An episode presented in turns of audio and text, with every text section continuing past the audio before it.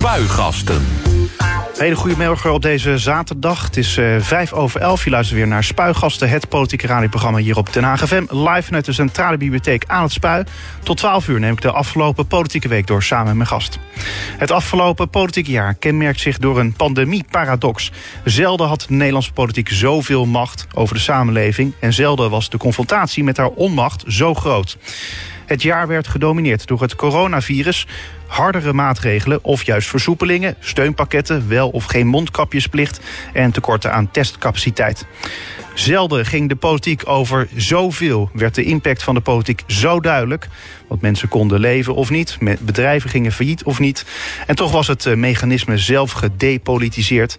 Politiek als uitkomst, minder als proces. Politiek niet als botsing van tegengestelde belangen, maar als technocratische oplosser. Hoe kijkt de gedeputeerde Floor Vermeulen van de VVD van Zuid-Holland terug op het afgelopen politieke jaar? De gedeputeerde zat trouwens eh, namens de provincies aan tafel bij de totstandkoming van het steunpakket van anderhalf miljard euro voor het openbaar vervoer. En ook maakt hij zich zorgen over de financiële weerbaarheid van gemeenten in de regio. Die door de decentralisaties en corona hun buffer zagen slinken. En nu ander uh, provinciaal toezicht dreigen te komen. Floor, een hele goede morgen. Goedemorgen, Ivar. Het is uh, tweede kerstdag. Wat doe je hier, zou ik bijna willen zeggen? Ja, goede vraag. Ja, jij hebt mij uitgenodigd. Dus dan, dat... Uh, dan, dat is een essentiële reis. Dus daarom ben ik hier. Ja. Heel goed. Uh, hoe vier jij kerst? Ja, ik heb uh, kerst gevierd in een huisje op de Veluwe. En ja, dat was eigenlijk dit jaar wel heel erg prettig. Ik had al een huisje gehuurd. Gelukkig zei de minister-president, nou als je een huisje gehuurd hebt... ik had geen voorkennis hoor, maar dan, dan mag je daar toch gewoon in gaan zitten. Dus dat heb ik gedaan. En dat was ook wel echt nodig. Hè. Ik denk dat heel veel mensen juist nu even bij zinnen komen. ook de tijd hebben om even uit te rusten. En dat moet ook wel. Hoewel er natuurlijk nu ook heel veel mensen gewoon aan het werk zijn. Hè. Vandaag mensen lang bij de pompstations. Ik was even een kopje koffie halen. Vanmorgen toen ik hierheen reed. Ja, die zijn gewoon aan het werk. Maar ook de mensen die in de zorg werken, et cetera. Dus daar moeten we wel ons ook van bewust zijn. Ja, precies. En ja, ik krijg bijna de indruk dat je nu een eenzame kerst had gisteren. Nee, nee, nee. Mijn moeder was erbij. Oh. mijn zus was erbij. En dat kon gelukkig. dus dat, dat is Mooi zo. Ehm, ja, is kerst voor veel mensen is dat namelijk een moment van bezinning. Van ja, je familie weer opzoeken. Of vrienden en andere kennissen weer bij elkaar brengen. wat betekent kerst voor jou? Ja, kerst voor mij betekent altijd ook wel een beetje terugkijken op het afgelopen jaar. Wat we vandaag ook gaan doen. Um, maar ook gewoon echt even proberen helemaal uh, af te schakelen. Uh, nu eigenlijk uit te zoomen. Heel veel mensen zitten natuurlijk uh, thuis te werken achter een schermpje. Um, wat er bij mij vaak gebeurt is dat ik eerst nog even af moet kicken. En nog de hele tijd naar mailtjes zitten kijken. Van komt er nou niks binnen? en uiteindelijk gaat die batterij van de telefoon leeg. En komt er een moment dat ik hem ook niet meer oplaad. en dat ja. is eigenlijk wel heel prettig. dus, dus echt even tot rust komen. Um, en, en natuurlijk ook opladen voor het nieuwe jaar. Hè? Want in januari moeten we er allemaal weer staan. Uh, en dan, uh, dan moet, je weer, uh, moet je weer aan de slag. Dus ik denk dat dat voor heel veel mensen geldt. Even loskomen van je werk. Even nadenken over wat je hebt meegemaakt het afgelopen jaar. En vervolgens weer aan de slag kunnen als oud en nieuw voorbij is. Dus je telefoon opladen en jijzelf ook weer even opladen? Zeker, zeker. Nee, ik heb hem ook alweer aangehad tussendoor. Ja. Oké, okay, ook mailtjes ook weer gehad vandaag? Ja, nou ja kijk, weet, wat, wat, het, wat het punt is, de provincie heeft ook wel een aantal dingen waar je gewoon op moet letten. Hè. Brugbedieningen die door moeten gaan, uh, gladheidsbestrijding, uh, vuurwerkevenementen die dit jaar niet door kunnen gaan, maar waar we toch wel alert op moeten zijn. Dat er niet opeens een aanvraag binnenkomt die we moeten afwijzen of dat soort dingen. Dus ik ben daar wel alert op. Ja. Goed zo. Uh, scherp. Dus dat betekent dat we meteen door kunnen naar de afgelopen politieke week. Het politieke weekoverzicht. Maandag 21 december. Dat uh, Delft onder preventief toezicht van de provincie terecht is gekomen vanwege een tekort in de begroting is een bewuste keuze geweest. Met een sluitende, sluitende begroting vinden we geen gehoor bij de overheid, zegt de wethouder van Financiën Stefan Brandlicht. Wij vonden dat het langzamerhand ook tijd was om echt te laten zien dat de, de grens bereikt is en eigenlijk wel dat we er overheen zijn gegaan. En dat lukt eigenlijk alleen maar door dan ook om een, een tekort te laten zien. Want dit speelt eigenlijk al jaren. Uh, en dan hoor je soms weer terug van de minister van ja, maar de begroting sluit toch. Dus wat is eigenlijk het probleem? Dus als we heel erg ons best doen om van tevoren alvast weer een sluitende begroting te maken... dan weten we dat we tot nu toe geen gehoor in Den Haag vonden dat er echt een probleem aan de hand is. Nee, maar ja, nu sta je onder curatele. Dat is toch ook niet zo blij van te worden? Dat is ook niet om blij van te worden, maar daar hebben we wel een goede afspraken voor gemaakt, uh, ook met de provincie. Want de provincie zegt ook uh, dat wij in de kern wel een, nog een uh, financieel gezonde gemeente zijn. Wij moeten nu een herstelplan maken, dat wisten we natuurlijk ook van tevoren, want dit is allemaal geen verrassing wat er nu gebeurt.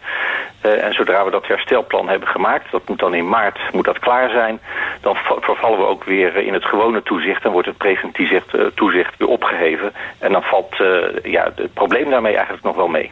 Ja, zij dus de wethouder van Delft, een buurgemeente van Den Haag in uh, West wordt wakker bij Omroep West. Ja, Floor, wat, wat vind jij van het uh, standpunt, eigenlijk het statement wat de gemeente Delft heeft afgegeven? Ja, dat begrijp ik heel goed. En ik heb ook al afgelopen maanden heel veel overleg gehad met Delft, ook met andere gemeenten, ook met Stefan Brandlicht, over hoe pakken we deze situatie nou aan. Want het is eigenlijk nog niet eens meteen gerelateerd aan corona of de kosten die nu gemaakt worden door gemeenten. Maar hij is al veel langer een, eigenlijk een, een begrotingsprobleem Uh, gemeenten krijgen gewoon minder geld dan ze nodig hebben om alle taken op uh, zorggebied, sociaal domein, uh, jeugdzorg, om die te vervullen. En hebben ook te weinig ruimte van het kabinet gekregen van de Tweede Kamer om zelf beleidskeuzes te maken. Dus zelf te zeggen, nou hier doen we wat minder of daar doen we wat meer. en daardoor zie je nu eigenlijk dat heel veel gemeenten in Zuid-Holland problemen hebben. Delft ook. maar Delft heeft ervoor gekozen om te zeggen, ja wij gaan nu niet een beetje ehm, paniekvoetbal spelen, opeens onze reserves leeg plunderen om die begroting eh, dicht te rekenen op eh, het laatste moment. Wij nemen daar even de tijd voor. Dus dat zagen we aankomen. Heb je het idee dat dit signaal een beetje aankomt eh, op het Binnenhof? Nou, tot nu toe onvoldoende. Wat je eigenlijk ziet is dat uh, heel bijzonder voor de zomer zelfs een uh, demonstratie was van wethouders. Om op anderhalve meter om, bij het Binnenhof. toen ook aan de minister, Kajsa Ollongren, een petitie hebben aangeboden van er moet echt iets gebeuren. En eigenlijk het enige wat het kabinet heeft gedaan is tijdelijk een ja, korting op het samenvoegen van gemeenten. Opschalingskorting heet dat dan eigenlijk een, een bezuiniging die ze gemeente oplegde. Tijdelijk even stil te zetten en vervolgens te zeggen ja het is aan een nieuw kabinet om dat, daar definitief een keuze in te maken. Ja, daar hebben gemeenten wat aan, maar eigenlijk structureel onvoldoende. Dus het is echt wachten op een nieuw kabinet helaas. Uh, om uh, te kijken, kunnen we aan die gemeentefinanciën structureel iets doen. Ja, uh, het gekke is, ik heb jou hier vaak ook over gehoord. Je hebt zelfs een brief ook gestuurd, ook samen met de commissaris van de Koning in Zuid-Holland, Jaap Smit, richting het kabinet om aandacht hiervoor te vragen. Ja. ja, het lijkt erop alsof het gewoon, ja, je, je praat tegen een muur. Nou ja, kijk, het is natuurlijk niet zo dat die boodschap helemaal niet aan is gekomen. Uh, maar het heeft in ieder geval, ja, dat is kennelijk ook aan ons te wijten, onvoldoende effect tot op heden gehad. Dat er echt uh, voor de lange termijn iets is gebeurd. En dat die gemeenten echt structureel, hè, dus dat betekent ieder jaar meer geld krijgen. Um, het wil niet zeggen dat de minister nu niet helemaal niet naar geluisterd heeft. Uh, zeker Binnenlandse Zaken, want al die ministeries die hebben ook al onderling discussies. Hè, dat, heb je dan ook nog mee te maken. Binnenlandse Zaken zeggen echt van ja, er is wel een probleem. Maar ja, financiën, die moeten natuurlijk letten op de, op de schatkist. Hè, op Wopke Hoekstra. Die moet natuurlijk letten op de schatkist. En die, uh, die zegt dan van ja, nou ja, ik heb eigenlijk nu nog geen geld om uh, ieder jaar iets te doen. Ik kan alleen tijdelijk iets doen. Um, en dat is dus ook een discussie die tussen Binnenlandse Zaken en Financiën dan gevoerd moet worden. En tot op heden uh, heeft Binnenlandse Zaken nog niet gewonnen. Ja, maar kun je je ook een beetje stellen, want het is natuurlijk kabinetsbeleid. De VVD zit al heel lang in het kabinet. Kun je dit de VVD aanrekenen? Reken jij dat je misschien jezelf je eigen partij uh, aan? Want ik merk bijvoorbeeld ook... we hebben natuurlijk eerder een wethouder mhm. van Financiën gehad van de VVD. Boudewijn Revens. We hebben ook ja. uh, nu Anne Mulder, een VVD'er. Die, die const, stond, constant eigenlijk hebben geroepen richting kabinet. Ook zijn voor, hun voorgangers trouwens. Uh, van we hebben meer geld nodig om die decentralisaties goed uit te kunnen voeren. Ja, dat klopt. Anders gaat het mis. Nou ja, kijk, dat, dat, is, dat zijn twee VVD'ers. we hebben Mark Rozier in Zoetermeer, dat is ook een VVD'er die roept dit ook. Uh, Ria Boer in de Krimpende Waard, uh, die roept het ook. Het zijn allemaal VVD'ers die zeggen... er moet iets gebeuren aan die gemeentefinanciën. Wat ook mensen zijn die niet zomaar onzorgvuldig omgaan... met een, een, een, lokale lasten of met de begroting. Dus ik denk dat het juist VVD'ers zijn die terecht aan de bel trekken. En aan de andere kant, ja, de VVD zit ook in de regering... en die moeten er dus gewoon wat aan doen. ik, ik vind altijd, als je in de politiek zit... dan moet je ook gewoon problemen benoemen zoals ze zijn... en niet omdat het toevallig je eigen partij is die ook premier levert, eh, zeggen van nou ja, ik hou maar even mijn mond dicht. Nee, precies. Uh, dus jij zegt eigenlijk ook de eigen VVD, regel dit nou eens. Landelijk, ja zeker. Dit moet gewoon geregeld worden. Uh, en ik hoop ook zeker dat het na de verkiezingen gaat gebeuren. Ik zie het eigenlijk voor de verkiezingen nog niet uh, ervan komen. Maar ik denk dat een nieuw kabinet echt moet zorgen met de gemeente samen. De Vereniging Nederlandse Gemeenten, die dus eigenlijk, waar Jan van Zanen voorzitter van is. Ook een VVD trouwens. maar daar moeten ze mee onderhandelen en kijken of ze tot een oplossing kunnen komen. Waardoor de gemeenten niet elk jaar tekorten hebben. En ja, hun, hun begroting eigenlijk met pleisters, uh, Boudewijn even zegt heeft al wel eens gezegd met pleisters aan elkaar moeten plakken. Of onder preventief toezicht van de provincie gaan komen. Want we hebben al wat beters te doen, zeg ik dan. Ja, ehm, eh, het is dus zo dat, dat eigenlijk na de, na de verkiezingen, als er een nieuw kabinet is, dan moet er eigenlijk wel heel snel geld komen. Het is niet zo dat, dat ze dan nog eventjes kunnen la- la- lekker lang kunnen gaan vergaderen over ja, hoeveel moeten die gemeenten dan precies erbij. Dan Nee. moet er wel echt boter bij de vis. Nee, het is zelfs nog, eh, nog iets erger. Kijk, ehm, ik hoop heel erg dat na de verkiezingen 17 maart... dat er ook wel snel een kabinet komt. Zodat de begroting voor het jaar daarna ook door dat nieuwe kabinet nog gemaakt kan worden. Want dat is natuurlijk altijd al in september, derde dinsdag van september. Nou, ik hoop heel erg dat er tijdig een kabinet is... dat er ook een duidelijke verkiezingsuitslag komt... waardoor er niet eindeloos onderhandeld eh, hoeft te worden. Kijk, er zijn verschillende noodzaken daarvoor. Eén, we zitten natuurlijk met die coronacrisis... eh, waar we echt een snelle regering voor nodig hebben. En twee, eh, ook dit soort problemen van die gemeentefinanciën... die moeten echt snel worden opgepakt. Dus ik, ik hoop dat ze aan het Binnenhof snel doorpakken... en niet zo lang erover doen als in de provincie destijds. Ja, precies. En, en tot slot, eh, wat gaat de provincie nu doen? Eh, komt Delft, eh, ja, wordt Delft een artikel 12 gemeente dus straks? Nou, ik maak me eigenlijk over Delft minder zorgen dan ik me zorgen maak over heel veel andere gemeenten in Zuid-Holland, vreemd genoeg. Stefan Brandlicht zei het al, de gemeentefinanciën van Delft zijn op de lange termijn zijn die eigenlijk best wel gezond. Ze hebben nu een probleem voor komend jaar en eigenlijk komende jaren. Maar ik denk dat ze daar voor maart wel weer uitkomen en dan kunnen ze gewoon weer hun eigen zaken doen. Maar er zijn heel veel andere gemeenten die hebben dus inderdaad wel een greep in de kas moeten doen. Die hebben het niet aangedurfd wat Delft nu heeft gedaan. Even de tijd nemen. Die hebben gewoon heel snel bepaalde maatregelen genomen. Die eh, dit jaar pijn gaan doen. Die op lange termijn pijn gaan doen. Omdat ze een greep in hun eh, reserves hebben gedaan. Ja, als jij je spaargeld moet aanspreken. kan je dat op een later moment niet gebruiken. En daar krijgen die me- gemeenten niet komend jaar. maar komende jaren wel last van. Dinsdag 22 december. De gedupeerde ouders uit de toeslagenaffaire... die krijgen allemaal 30.000 euro als compensatie. Dat bedrag zal in de komende vier maanden worden uitgekeerd aan iedereen... die nu al in beeld is als, eh, als gedupeerde. Het eerste wat we besloten hebben is dat we gezegd hebben dat alle ouders die getroffen zijn eigenlijk op een hele nare en indringende manier getroffen zijn. En dat we vinden dat al die ouders recht hebben op dezelfde compensatieregeling. We kenden in de huidige regeling nog verschillen tussen de verschillende ouders, maar we hebben eigenlijk gezegd we vinden dat die ouders allemaal gedupeerd zijn. Niet alleen door het handelen van de Belastingdienst, ook door de wet. En we willen ze allemaal de compensatieregeling bieden. Ja, die toeslagenaffaire is wat mij betreft eigenlijk de overheid op zijn lelijkst. eh, als ik het zo even mag eh, noemen. Eh, schaam jij je dan niet voor al die kabinetten waar ook de VVD weer in heeft gezeten... dat dit eigenlijk jarenlang zo heeft kunnen doorsudderen? Ja, ik schaam me vooral voor het feit dat de overheid niet in staat is geweest om ehm, die vreselijke zaken op individueel gebied, eh, die natuurlijk zijn, al die casussen van, van, van ouders en ja, andere mensen die in de knel zijn geraakt, ehm, om die eh, te voorkomen. Eh, er is we- wetgeving en regelgeving geweest ehm, en dat heeft volgens mij niet met één po- politieke partij te maken, want alle politieke partijen hebben daarmee te maken gehad. Maar het is, eh, het is echt heel triest als je ziet wat er gebeurt en dat het ook vooral niet snel is opgelost. We- Heel veel ouders zitten nu nog te wachten op, eh, op geld. En de overheid moet gewoon veel sneller acteren in dit soort gevallen. Ja, dan werd er gezegd ook, hè, bijvoorbeeld eh, de premier zou moeten aftreden. En nou wordt er ook gezegd, omdat er zoveel verschillende politieke partijen... en zoveel verschillende kabinetten ook eh, ja, mee te maken hebben gehad... dit kabinet zou ja, niet alleen excuses moeten maken... maar ook ja, de daad bij het woord voegen en vervolgens dus ook aftreden. Ja, ik, ik ben het daar niet helemaal mee eens. Eh, ik vind wel dat er excuses gemaakt moet worden. Ik vind ook dat het gewoon opgelost moet worden. Ja, Ze moeten dat gaat nu gebeuren. Ja, nou ja, eindelijk hè, zou ik zeggen. Dus dat had volgens mij al veel eerder moeten gebeuren. En eh, al voordat er een waarom heb je een rapport nodig om een probleem op te lossen? Volgens mij wisten we al dat het hier fout was gegaan. Ehm, maar aftreden, ik ben het heel erg met Ashwin Elian eens. Dat leidt eigenlijk niet, tot niet zoveel. En dan ga je dus ook oproepen krijgen van ja, Lodewijk Asscher moet aftreden als eh, lijsttrekker van de Partij van de Arbeid. Eh, ik denk dat het vooral opgelost moet worden. En dat eh, het aftreden zo vlak voor de verkiezingen van een kabinet of van lijsttrekkers, dat er echt niks wordt opgelost. Nee, maar als het bij wijze van spreken midden in de periode, de regering, regeerperiode was geweest, dan was het een ander verhaal geweest, wat, wat jou betreft dus? Nou, dat weet ik niet. Ik, ik denk dat dit zo'n grote crisis is. Die moet A, gewoon gemanaged worden. Dat is één. Ik geloof er heel erg in dat er altijd ergens politiek verantwoordelijkheid gedragen moet worden voor zaken. Maar in, in dit geval zijn al staatssecretarissen over afgetreden.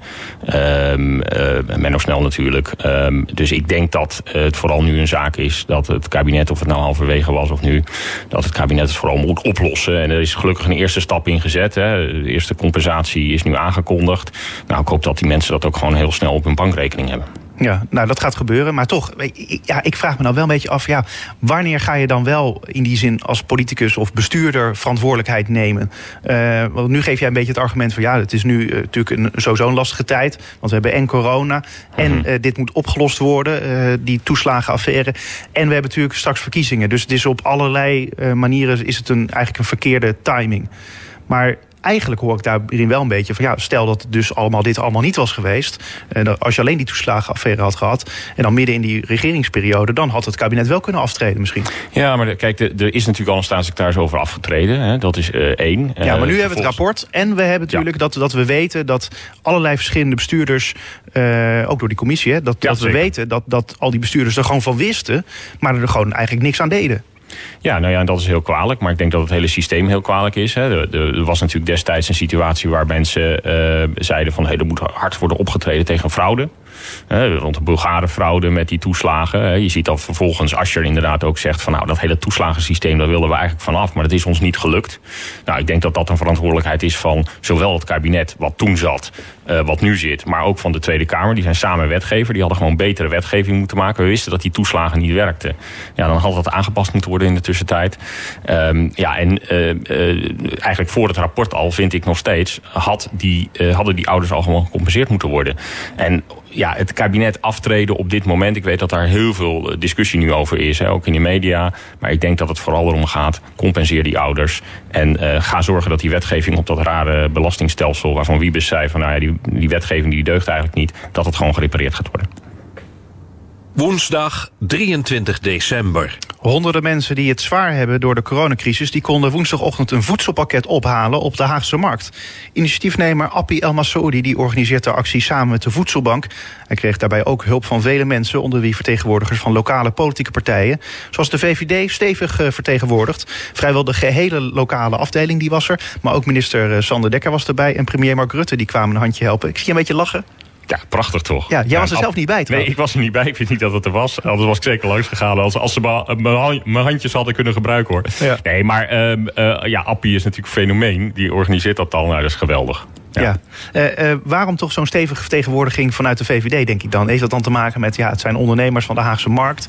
Uh, die dit initiatief dan nemen. en de verkiezingen komen er, eraan. Of is dat heel cynisch van mij? Uh, ik, ik heb geen idee. Uh, ik denk dat, uh, dat er meerdere mensen bij waren en ook heel veel VVD'ers. ik denk dat die trouwens altijd graag hun ja, handen uit de mouwen Dit is wel een hele, hele stevige ja, vertegenwoordiging ja. met Sander Dekker en Mark Rutte. Ja, nee, dat, dat is ook zo. Maar wat je natuurlijk ook ziet is dat alle politieke partijen nu willen laten zien. En ik denk dat ze dat altijd willen laten zien. Dat ze met kerstdagen, met oud en nieuw. Nou, Omroep West heeft ook een keer een actie gehad. met voedselpakketten eigenlijk ieder jaar. En dan zie je toch altijd dat politici daar ook willen laten zien van nou, draag bij. En volgens mij is dat ook uh, het voorbeeld geven. Hè? Dus laten zien van nou, met, met eigen acties kun je ook als inwoner van Nederland kun je bijdragen aan uh, het oplossen van problemen in de samenleving. Of in ieder geval mensen die het echt nodig hebben helpen. En dat is in dit geval ook zo. Plus, uh, de Haagse markt heeft natuurlijk een lastige tijd gehad. En ik denk dat hier lokaal ook de afweging is geweest van nou ja, we willen even laten zien dat we ook die markt steunen. Dus ik ben gewoon een beetje cynisch. Dat is eigenlijk wat je zegt. Nee, nee, dat zeg ik niet. Maar ik, ik, ik, ik, ik ben wat positiever. Ik kijk wat positiever naar. Ja. Oké. Donderdag 24 december. Het is de Europese Unie en het Verenigd Koninkrijk gelukt om uh, onder grote tijdsdruk een no-deal Brexit te voorkomen. De onderhandelaars die zijn het eens geworden over een handelsakkoord. De Britse premier Johnson die presenteert het als een goede deal. I'm very pleased to tell you uh, this afternoon uh, that we have completed the biggest trade deal yet worth 660 billion pounds a year. A comprehensive Canada-style free trade deal between the UK and the EU, a deal that will protect jobs across this country, a deal that will allow goods, UK goods and components to be sold uh, without tariffs and without quotas uh, in the EU market, a deal which will, if anything, allow our companies and our exporters to do even more business with our European friends. This country will remain culturally, emotionally, historically, strategically, geologically attached to Europe. Not least, of course, through the 4 million EU nationals uh, who have requested to settle in the UK over the last uh, four years and who make an enormous contribution to uh, our country and to our lives. Ja, eigenlijk zegt Johnson het al, het is gewoon historisch wat hier is gebeurd. Ja, maar het is vooral een eh, historische fout. Uh, van het Verenigd Koninkrijk in de eerste plaats om uit uh, de Europese Unie te willen treden. En ja, Johnson die heeft natuurlijk op een achternamiddag ooit een keer gedacht... ik ben tegen, want hij kon twee kanten op, heeft hij ook wel destijds toegegeven. En toen had hij twee columns liggen voor een krant. De ene was, ik ben uh, voor uittreden en de andere tegen. En uiteindelijk heeft hij ervoor voor gepleit om uit de EU te gaan. Nou, het heeft Verenigd Koninkrijk de bevolking met een hele krappe meerderheid natuurlijk voor gekozen. Maar ik denk uiteindelijk dat inwoners van het VK... maar ook ja, wij in Nederland daar uh, uh, ja, echt wel de gevolgen van gaan ondervinden.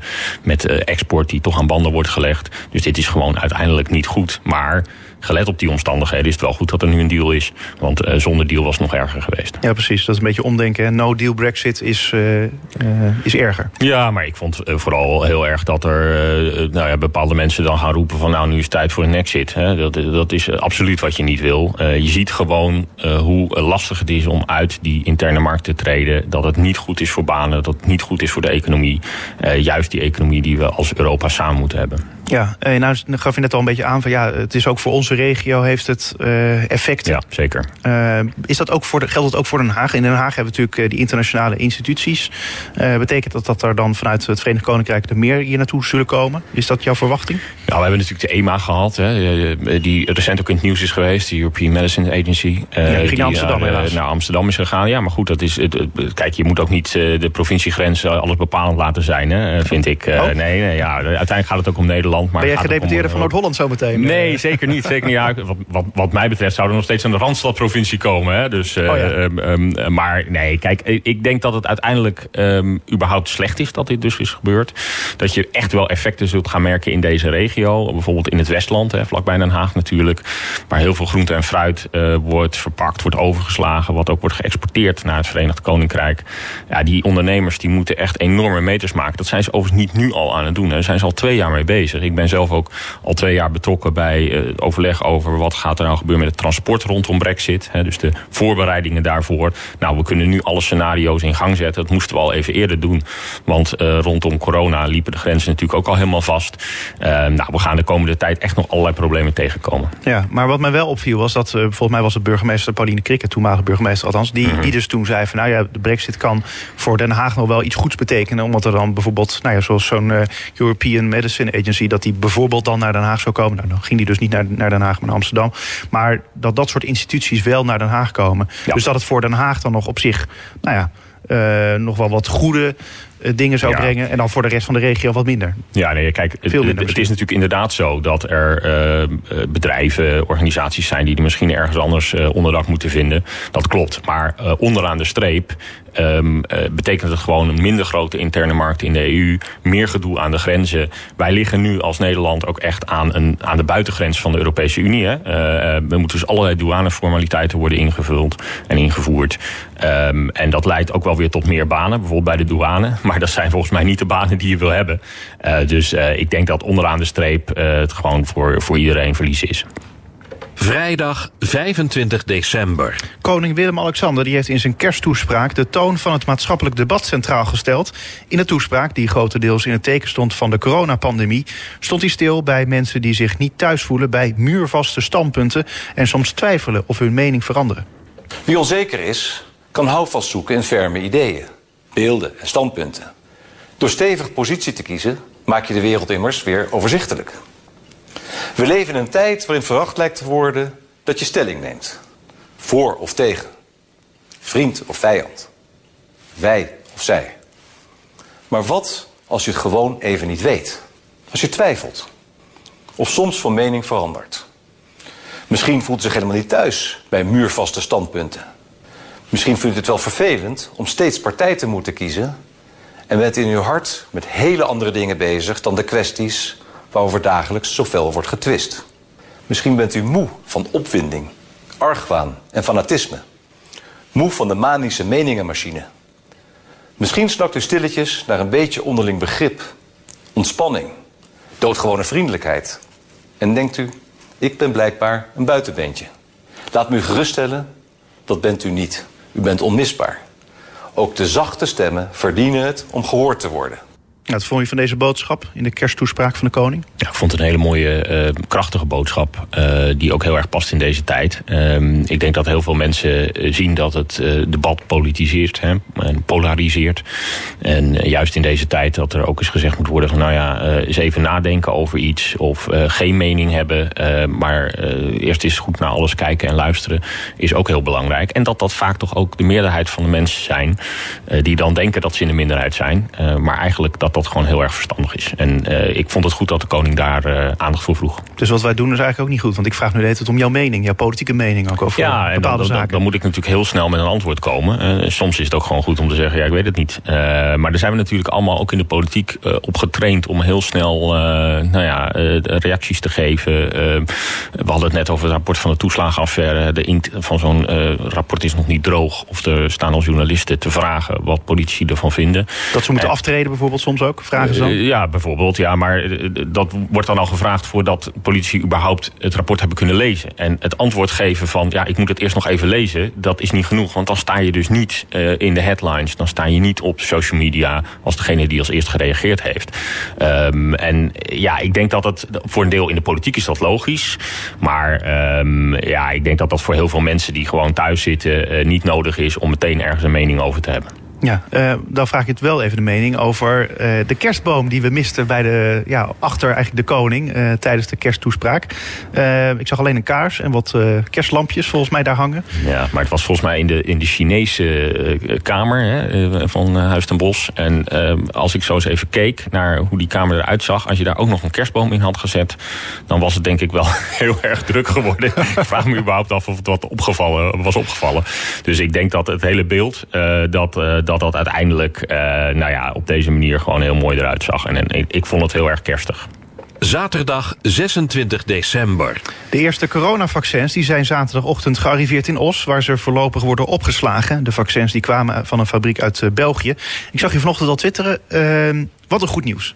Ja, dat is een heel goed nieuws. Het is toch een beetje de hoop die we allemaal hebben. Hè? Uh, dat als die vaccins er zijn, dat mensen kunnen worden gevaccineerd. Um, en hopelijk heel snel heel veel mensen. Uh, dat dat ook gaat helpen om die pandemie onder controle te, te krijgen. Dus uh, ja, dat, dat is toch een beetje de hoop van deze kerst, denk ik. Ik vind wel toepasselijk inderdaad van tweede kerstdag een moment van hoop en ja, dat, dat je dan dit nieuws krijgt. Het is ook in dit geval volgens mij wel een historische gebeurtenis van deze week. Ja, dat denk ik zeker. En uh, vooral het feit natuurlijk dat uh, het toegestaan is om dat vaccin te gaan gebruiken. Hè. Dat was ook het nieuws wat eigenlijk een beetje werd overschaduwd door de brexit. Maar wat volgens mij twee dagen geleden kwam. nou, dat is goed nieuws. Ik hoop dat er ook heel veel vaccins volgen. En dat vooral ook gezorgd gaat worden dat niet alleen in Europa... maar overal ter wereld mensen gevaccineerd kunnen worden. Tot zover het weekoverzicht. Meer nieuws vind je op onze website denhaagfm.nl. Spuigasten op Den Haag FM. Den Haag Hoe kijkt de gedeputeerde Floor Vermeulen van de VVD in Zuid-Holland terug op het afgelopen politiek jaar? De gedeputeerde zat namens de provincies aan tafel bij de totstandkoming van het steunpakket van uh, anderhalf miljard euro voor het openbaar vervoer. En ook uh, maakte zich zorgen over de financiële weerbaarheid van gemeenten in de regio. Die door de decentralisaties en corona hun buffer zagen slinken en nu onder uh, provinciaal toezicht dreigen te komen.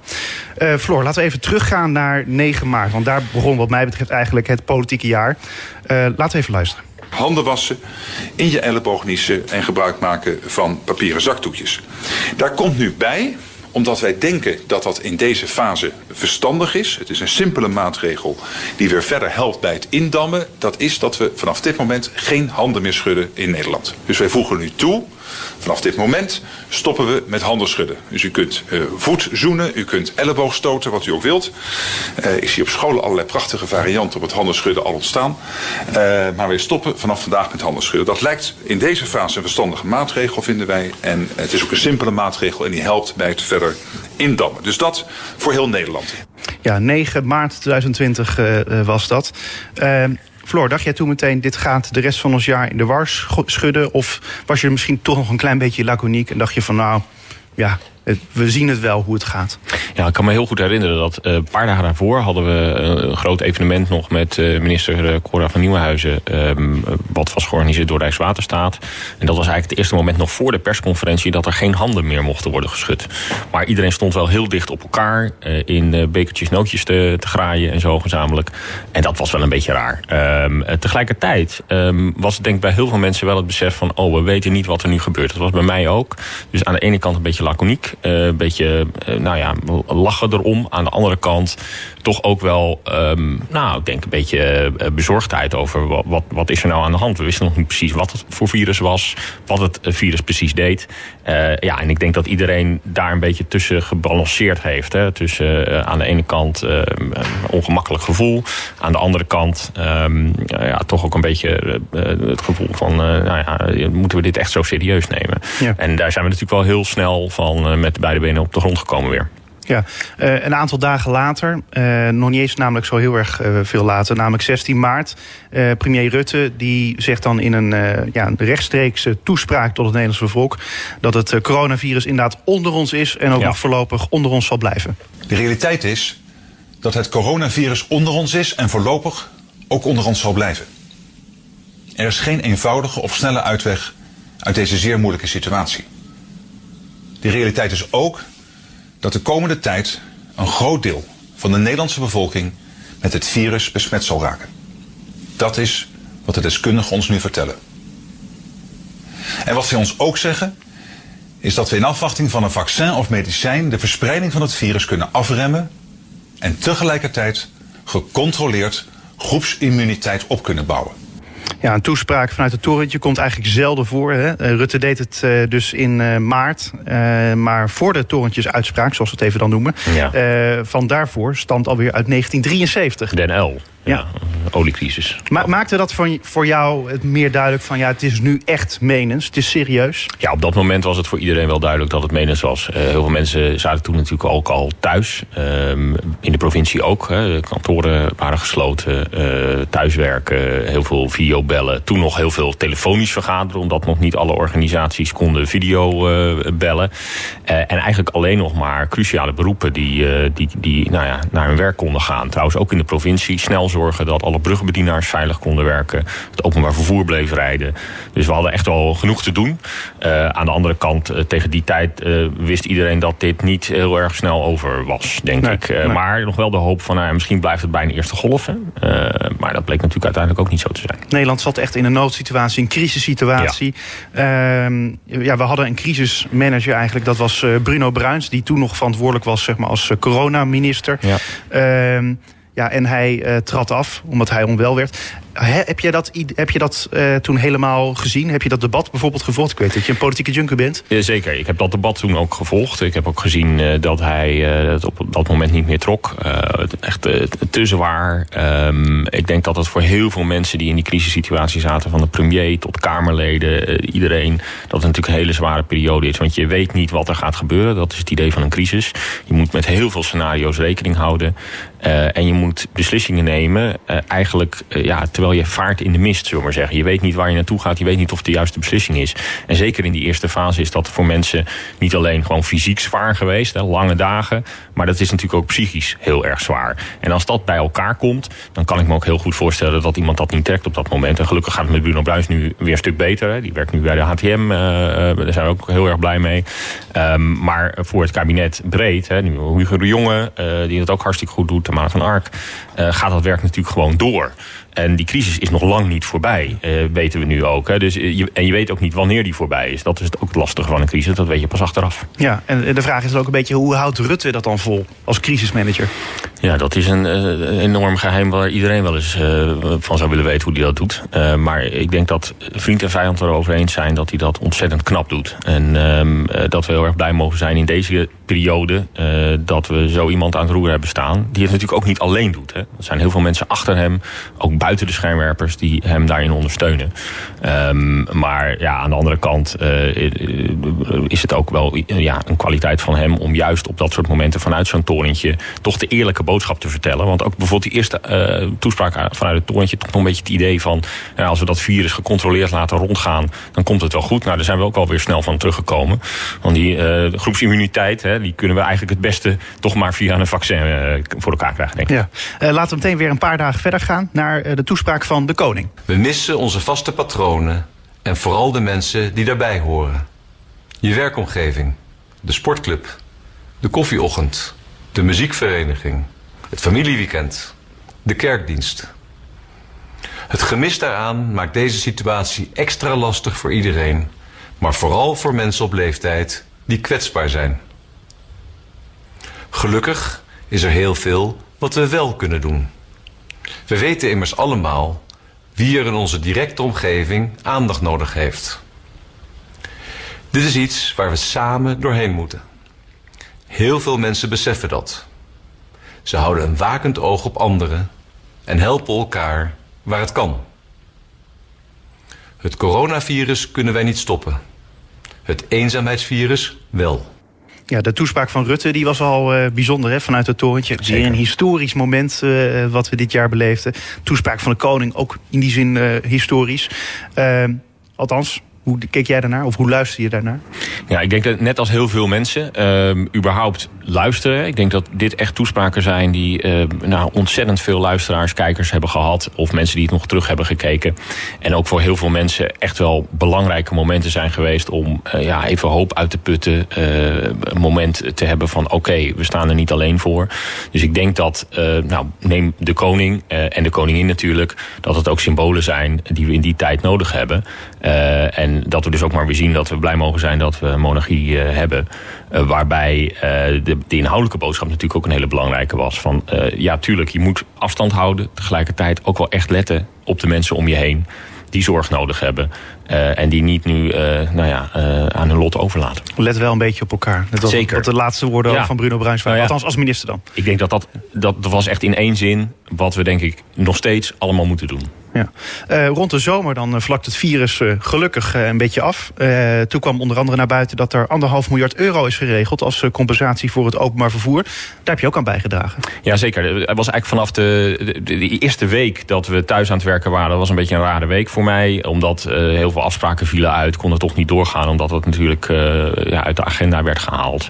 omdat het toch werd afgezegd, et cetera. Maar we kwamen wel snel tot de conclusie van... ja, er zit nu bijna niemand in het openbaar vervoer. Hoe laten we dat openbaar vervoer doorrijden? Openbaar vervoerbedrijven, waaronder HTM, maar ook andere bedrijven, die zijn eigenlijk gewoon doorgegaan. Uh, die chauffeurs zijn blijven rijden, ook in lastige omstandigheden. Want op dat moment was natuurlijk nog niet duidelijk hoe je dat virus ook uh, buiten het OV eh, moest houden. En, en, hoe dat zat met de besmettelijkheid. Dus die mensen, die, het zijn echt helden, die zijn door blijven werken. Um, en ja, dat, dat probleem is natuurlijk dat mensen dan, als ze niet in dat OV zitten, ook niet betalen. Dus de inkomsten vielen weg.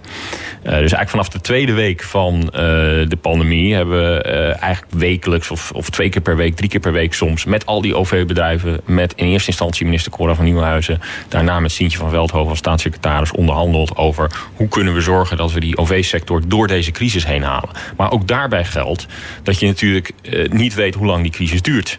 Dus we hebben toen een afspraak moeten maken van nou, A we als gemeente en provincies houden we onze subsidies gewoon overeind. Normaal gesproken reken je af op basis van uh, vervoerde personen. Hè. Dus dan zeg je nou... Reizigersaantallen. Ja, reizigersaantallen. Hè. Dus jullie hebben dit jaar zoveel mensen uh, vervoerd. Nou, daar krijg je een subsidie voor. Uh, nu hebben we eigenlijk gezegd, ja, we betalen jullie gewoon 100% uit. Ook al zat er bijna niemand in. Nou, dat was echt noodzakelijk om te doen. Um, maar daarnaast hebben we natuurlijk ook geld van het Rijk gekregen... om deze sector door te laten rijden. Want het verzoek was, ga niet met het OV. Maar het was wel nodig voor al die mensen die in de zorg werken... die nog steeds iedere dag op deze manier naar hun werk gaan... of in andere vitale beroepen. Ja. En dat, dat geldt eigenlijk nu nog steeds. Dus we hebben een eerste pakket van anderhalf miljard totaal... dus inclusief die subsidies van provincies en gemeenten uh, gekregen. Trouwens ook een bijdrage van de vervoerders zelf... die ook zelf een uh, duit in het zakje hebben gedaan... want die hebben echt geen winst gemaakt afgelopen jaar. Maar we hebben ook weer een half miljard voor het komend uh, half jaar uh, geregeld. Waar ik wel echt zorgen over maak is het de rest van het jaar. Ehm, nou, ik hoop dat na de verkiezingen en eigenlijk daarvoor nog... er ook een steunpakket komt voor de, rest van 2021. Want we weten één ding zeker, we zijn nog niet uit, uit deze crisis. Nee, precies. Maar goed, als je je er zorgen over maakt... dan moet je ook een soort tijdpad hebben van wanneer je dan wil dat het er is. Ja, zeker. Nou ja, het probleem was een beetje dat uh, toen we gingen onderhandelen uh, in maart... Uh, toen waren we denk ik net voor de zomer klaar met contouren van het pakket... en het definitieve groen licht van het ministerie van Financiën op die anderhalf miljard. Maar toen hadden we nog niet de exacte regeling. toen heb ik wel eens grappend gezegd aan tafel... nou ja, als we nu beginnen, dan zijn we voor de kerst klaar voor 2021. Nou, dat blijkt ook zo te zijn. We waren net voor de kerst klaar voor 2021. Dus als we nu gaan beginnen, dan zijn we hopelijk voor de zomer klaar... voor de rest van het half jaar uh, van, van het komend jaar. En um, ja, dat, dat, dat maakt me wel een beetje zorgen hoe lang dat soort processen dan duren. Want ik heb ook wel in het buitenland gezien. Kijk, uiteindelijk komen we in Nederland altijd wel uit. Dat is het mooie, maar het is toch ontzettend lang vergaderen. Uh, terwijl nou, in, in Duitsland hadden ze het allemaal al klaar liggen binnen twee maanden. En wij zaten nog uh, te praten met elkaar. Uh, maar waar vergader je dan zo lang over? Nou, bijvoorbeeld over de vraag: is er, ehm, hoe, hoe, gaan we om met het aanvragen van, ja, dat, dat heet dan derogatie, hè, de toestemming van de Europese Unie om staatssteun te geven aan bedrijven. Want het zijn toch commerciële bedrijven met aandeelhouders. ja, die kan je niet zomaar steunen. daar moet je toestemming voor hebben. En de vraag was bijvoorbeeld ja, wie, gaat, wie gaat de toestemming nou vragen? Gaan provincies dat doen? Gaat het Rijk dat doen? Uh, nou, daar hebben we toch wel een paar keer over moeten praten met elkaar. Ja, ik vind dat eigenlijk zonde van de, van de tijd. En heel veel andere mensen Doe ook. Doe het gewoon, zou ik zeggen. Ja, ja exact. Hè. Dus en wie het doet, maakt het ook niet uit? Uh, nee, dat heb ik op een gegeven moment ook gezegd. Van, laten we nou een afspraak maken wie, wie, het, uh, wie het doet. En nou, dan zijn we, dan zijn we klaar. Nou, daar hebben we een hele lange tijd over moeten, moeten, moeten bakkeleien. en iedereen vindt dat eigenlijk vervelend. aan de andere kant, ja, dat is dus ook onderdeel van crisis. Ehm, soms is het gewoon lastig, omdat je het nog nooit hebt gedaan. En kennelijk uh, moesten we dat in Nederland nog even uitvinden. Nou, nu hebben we het uitgevonden, dus uh, hopelijk gaat het in de toekomst sneller. Precies. en dan nu de vraag, ja, was die anderhalf miljard eigenlijk wel genoeg voor die OV-bedrijven? ja, voor dit jaar was het genoeg, denk ik. hoewel dus OV-bedrijven echt wel verliezen hebben geleden. Ehm, maar voor komend jaar is het nog niet genoeg.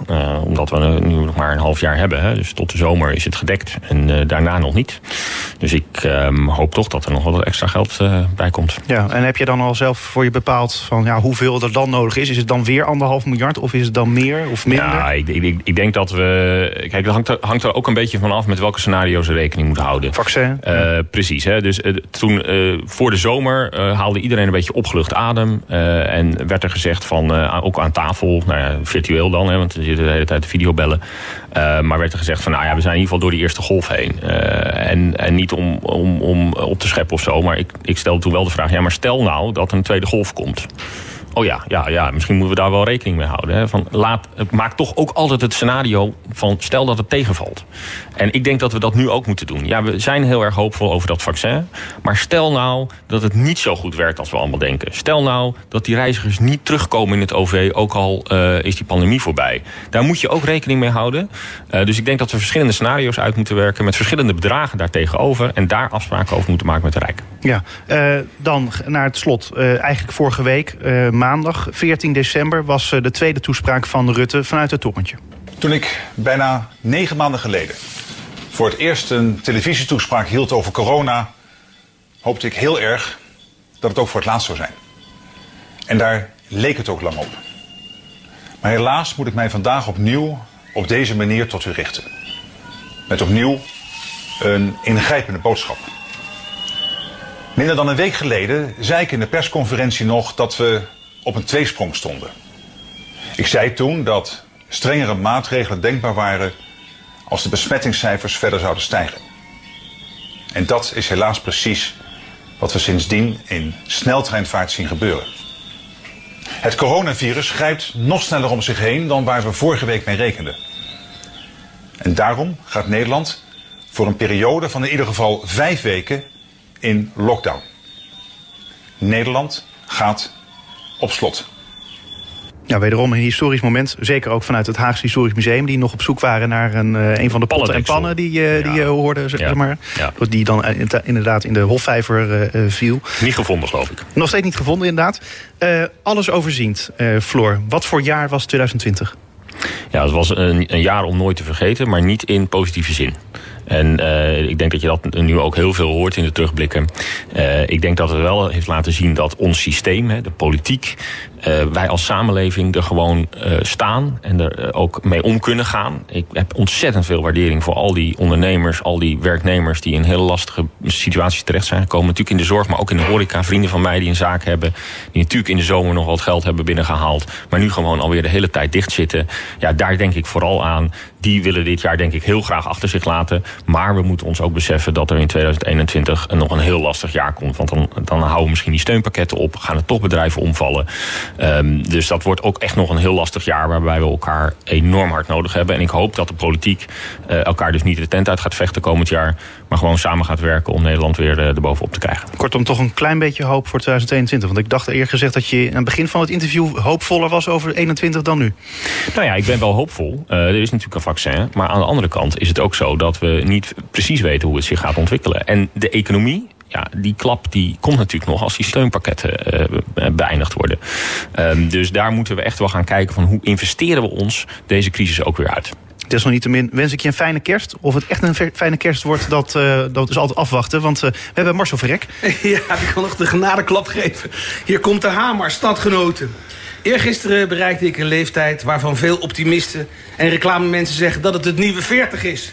Of voor mijn part het nieuwe 50.